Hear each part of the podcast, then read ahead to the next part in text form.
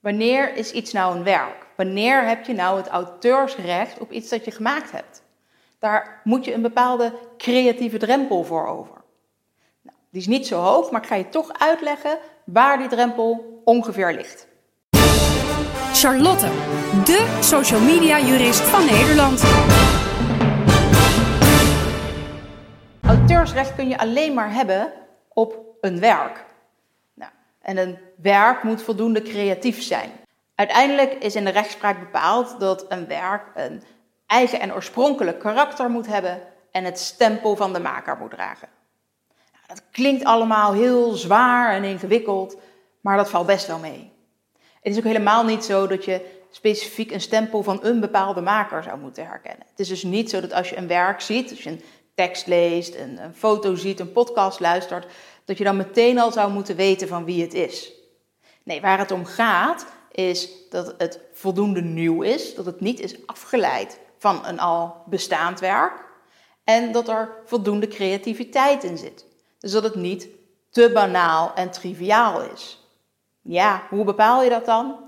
Een harde grens is het niet. Wist je bijvoorbeeld dat bijna elke foto gewoon een auteursrechtelijk werk is? Die creatieve drempel is heel snel gehaald met een foto. Ook als je die met een telefoon hebt gemaakt. Er zijn wel wat uitzonderingen geweest, maar goed, we gaan over productfoto's, packshots zoals we dat noemen. Uh, waarbij je gewoon een keurige witte achtergrond hebt, alles keurig is uitbelicht en er gewoon geen creativiteit meer in zit. Net zoals pasfoto's. Ja, er zitten zoveel regels en richtlijnen aan vast. Daar kan dus geen creativiteit meer in zitten. Dus daar rust dan in elk geval geen auteursrecht op.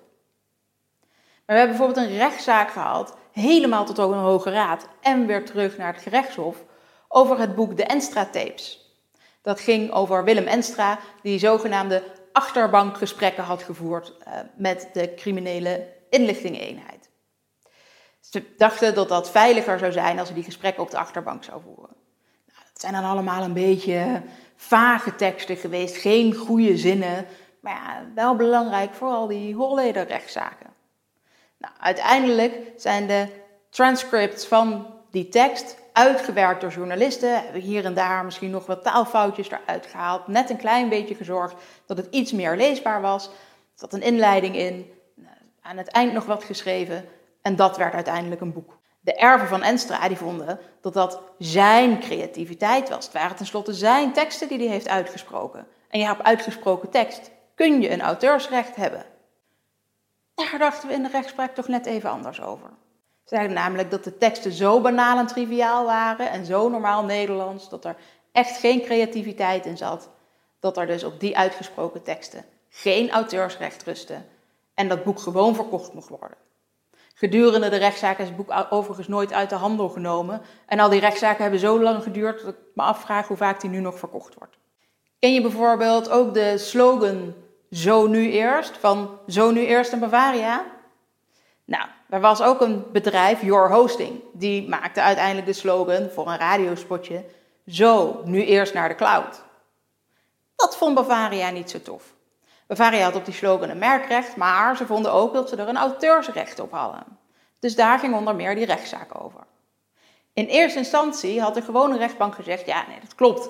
Daar rust auteursrecht op, want tussen zo en nu eerst zit een bepaalde pauze en door die pauze rustte er uh, auteursrecht op die tekst. Was, dat was een soort creativiteit, die pauze tussen zo en nu eerst.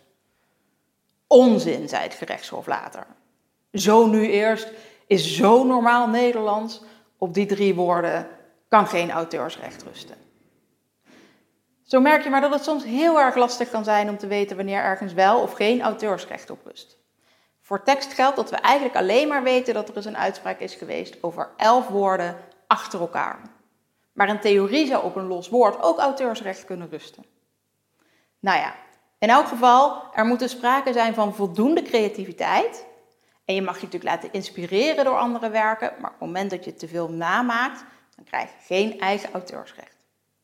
Alleen als je een auteursrecht hebt op een werk, dan kun je dus ook claimen dat een ander daar inbreuk op maakt.